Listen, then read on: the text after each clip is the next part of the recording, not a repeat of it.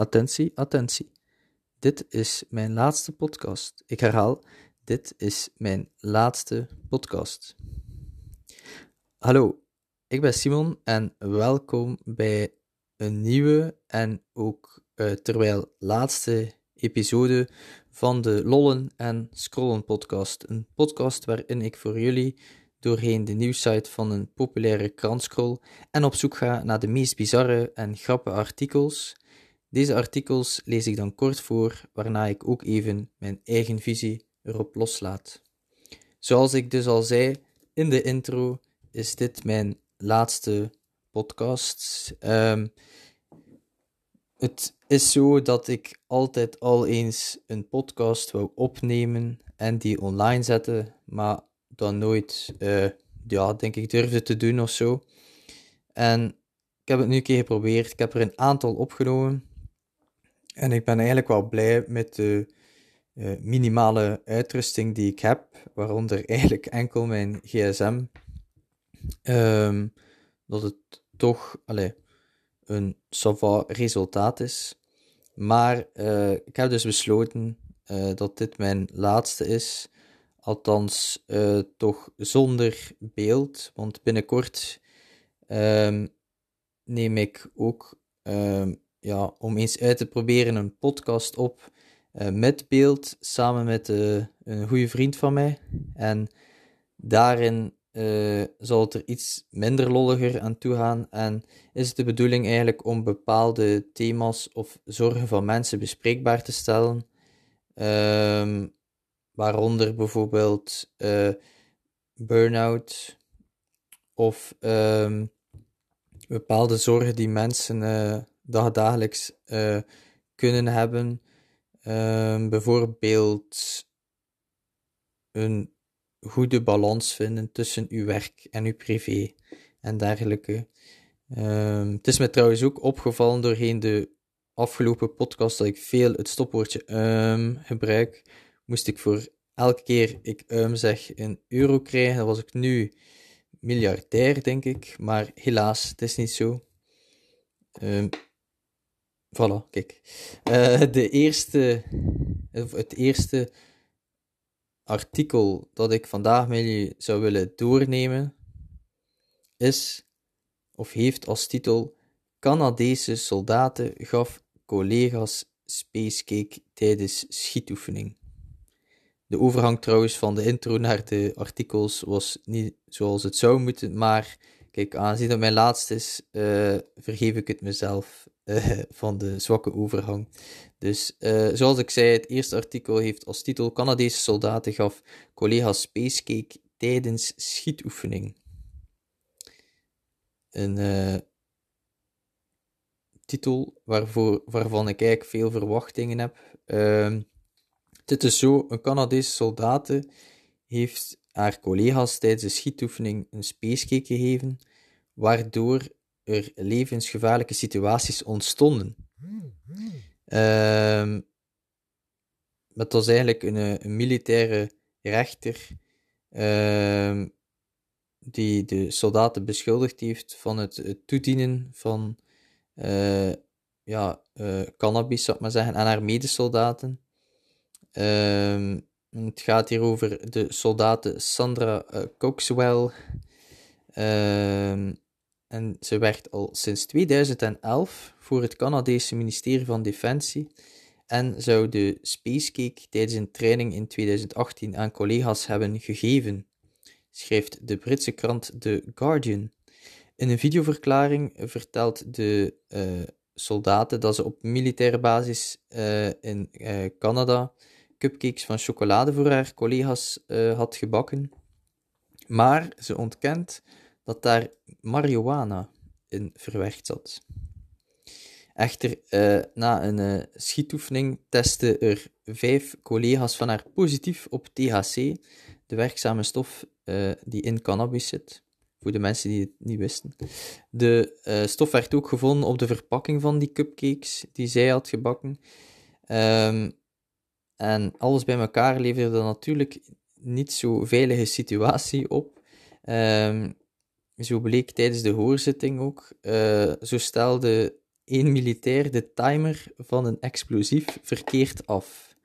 Uh, ja, laat ons hopen dat misschien uh, dat ze de tijd te lang hadden ingesteld, dat te kort is misschien het slechtste wat er kon gebeuren, maar dat is niet zo veilig als je de tijd van een explosief verkeerd instelt.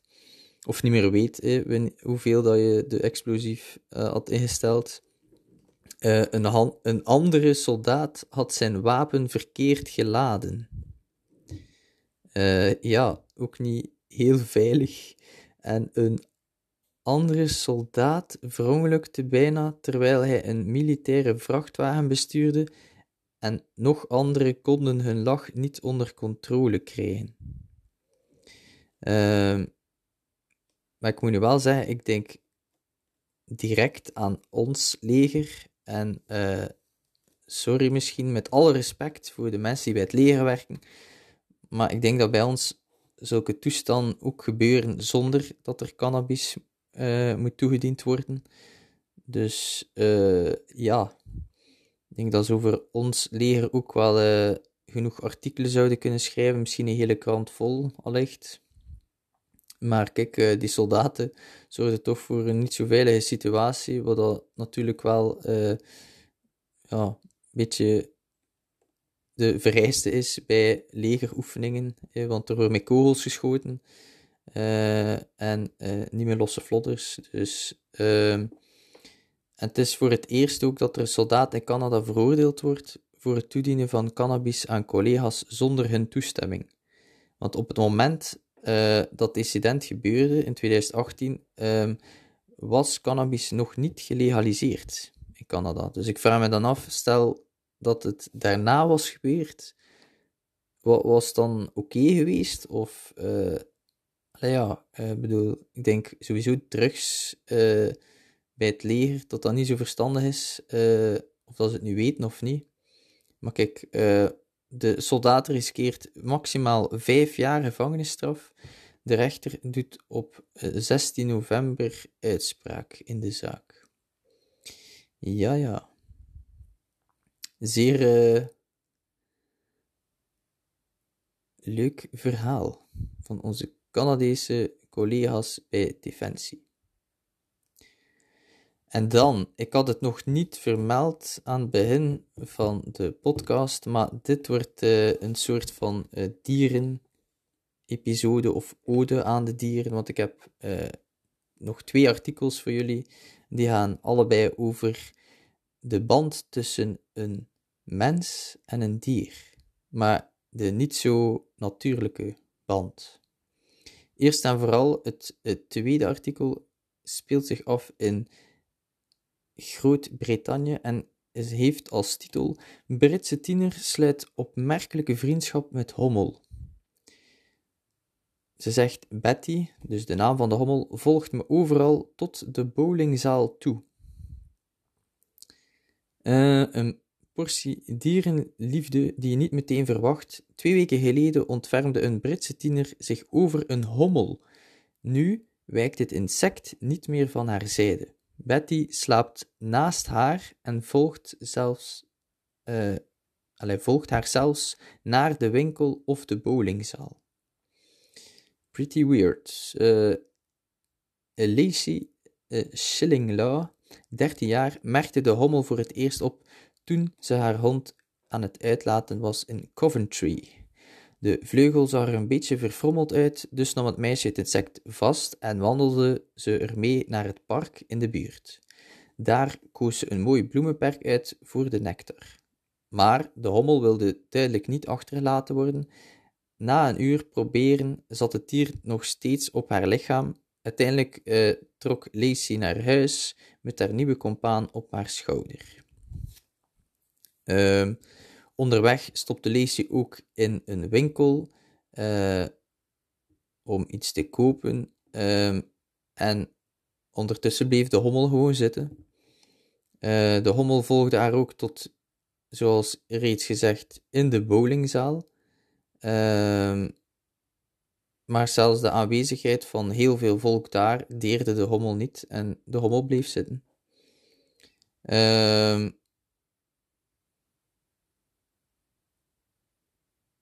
ik dacht, zegt Lacey, dat de hommel na een dag wel zou vertrekken. Ehm, omdat ja, alles wel in orde bleek en dat de hommel wel uh, kon vliegen. Maar niets was minder waar. En uh, overdag ja, nestelde de hommel zich in haar nek of in haar mouw van haar kleren. En uh, ja, bleef hij daar zitten. Dus uh, de moeder van, van Lacey zegt: uh, Mijn dochter is helemaal verzot op Betty, de hommel. Uh, en ehm, mijn dochter heeft totaal geen schrik ook van beesten of van dieren. Ehm, maar zegt ze, ja, ik vind, vind ook zo immens raar verhaal, maar tegelijkertijd ook mooi.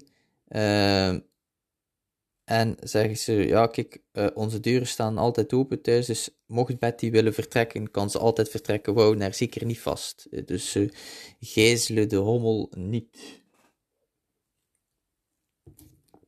Dus ja, het is inderdaad, uh, ik weet niet, ja, ofwel is er toch iets met de hommel waardoor dat die blijft zitten, of, of draagt ze hele felle kleuren van kleren of zo, dat de hommel denkt dat het een soort van bloem is, of I don't know. Maar uh, ja, het is een bijzonder verhaal, een hommel als huisdier. Uh, ja.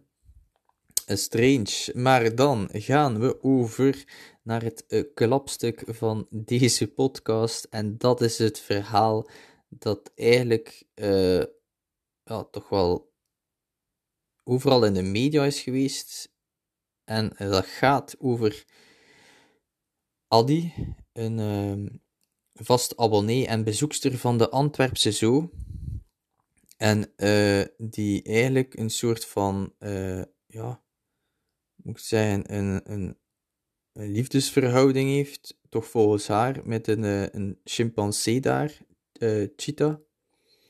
Maar de zoo vindt de situatie niet echt zo gezond en daarom willen ze Addy een contactverbod opleggen als ze nog langer um, nauw contact heeft met Cheetah, de chimpansee, en ze niet luistert naar het advies dat de zoar wil geven, en dat is dat het niet gezond is van zo nauw contact te hebben dagelijks ook met die chimpansee, omdat die chimpansee dan uitgestoten wordt vanuit de groep en dat dus ook nadelig is voor hem. Uh, maar dus het artikel heeft als uh, titel Antwerpse Zoo legt bezoekster contactverbod op.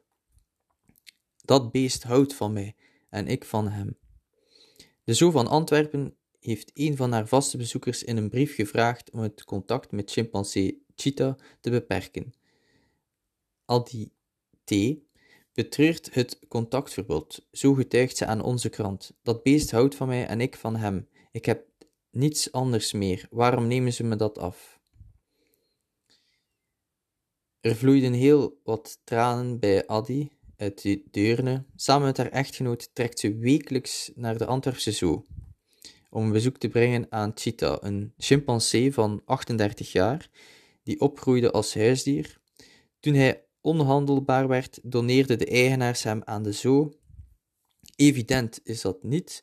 Hij heeft het altijd moeilijk gehad om zich aan de groep mensapen aan te passen. Daar zeggen ze het al. Dus in het begin had hij al moeilijkheden om zich aan te passen. En in 2008 raakte hij gewond aan de rug na een stevige ruzie met de andere chimpansees. Um, Adi uh, zegt van Cheetah komt mij altijd opzoeken als hij mij ziet. Hij zwaait met de armen, geeft kusjes aan de ruit. Wat misdoe ik? Uh, tientallen andere abonnees van de Zoo doen net hetzelfde.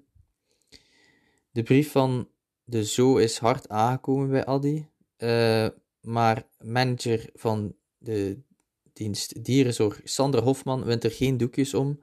Als Adi nog ene keer te nauw contact zoekt met Cheetah, mag ze de Zoo niet meer binnen. Um, en zoals gezegd, ja, Adi vindt dat ze niets misdoet en dat de andere abonnees eigenlijk uh, hetzelfde doen.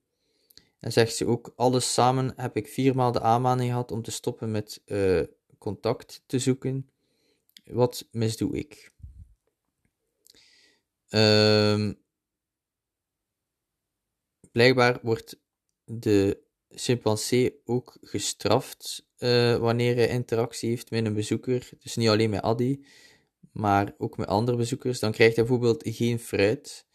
Uh, en dan zegt Addy daarop van, ja, uh, als het nog een keer gebeurt, dan zal ik zelf wel een tros bananen meenemen.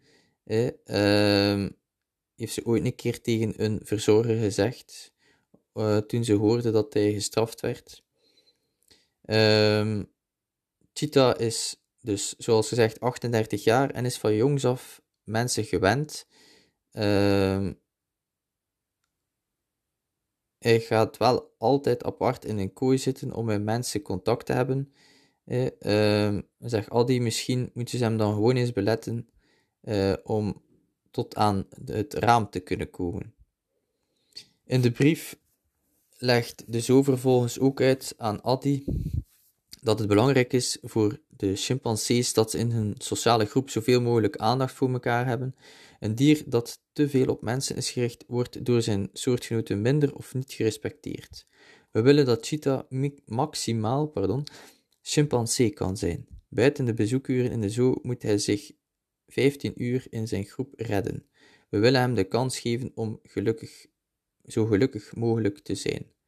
Uh, ook een beetje verwijzend naar een eerder stuk in het artikel. Hij had het al in 2008, dacht ik, eens moeilijk in de groep, uh, waarbij dat hij eigenlijk gewond is geraakt dan. Dus lijkt het mij inderdaad niet slecht dat hij zo min mogelijk contact heeft met de bezoekers. Het blijft ook natuurlijk een wild dier, ook al is hij opgevoed uh, ja, binnen een gezin. Dat is mijn visie er toch op. Je kunt elk dier proberen tam te maken, maar het blijven wilde dieren. Ik denk dat Adi dat een beetje uit het oog verliest. Um, ik denk, moesten we echt willen weten of dat er zo een wederzijdse liefde is tussen de chimpansee en Adi, dan is het misschien geen slecht idee om Adi een keer eventjes een paar dagen in de zoo te laten verblijven en kijken of dat de chimpansee elke dag bij haar op bezoek komt.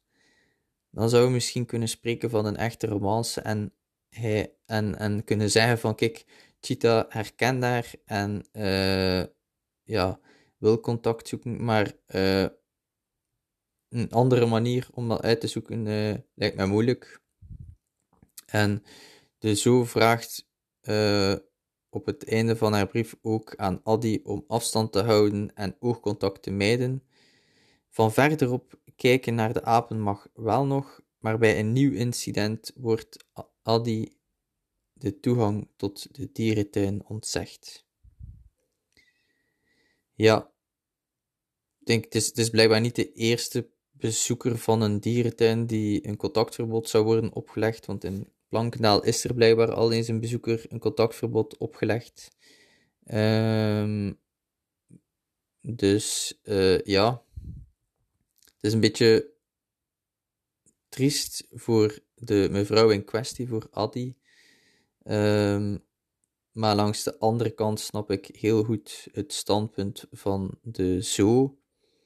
Ik denk dat Adi niet echt beseft wat een allee, wat een gevolgen dat, dat er gedrag eigenlijk kan hebben op uh, Cheetah, op de chimpansee en op zijn plaats binnen de groep. Ik denk dat ze door het ja, ik denk jarenlange contact met die chimpansee een beetje er is in gaan geloven dat er een bepaalde band is, terwijl, zoals ik zeg, dat dan nog altijd een wild dier blijft, ook al verschillen ze misschien 2 of 3 procent van ons eh, in de genen, toch blijven het apen. Um, en ja, denk ik dat de zo wel een uh, goed standpunt heeft uh, daarin. En dat het misschien ook wel gezonder is voor beide partijen dat er minder contact is. Want stel dat ooit al die overlijdt, uh, Adi overlijdt, of zeg niet Adi niet, maar stel dat ooit de chimpansee, het cheetah overlijdt, is nu 38 jaar en chimpansee wordt gemiddeld 40 jaar.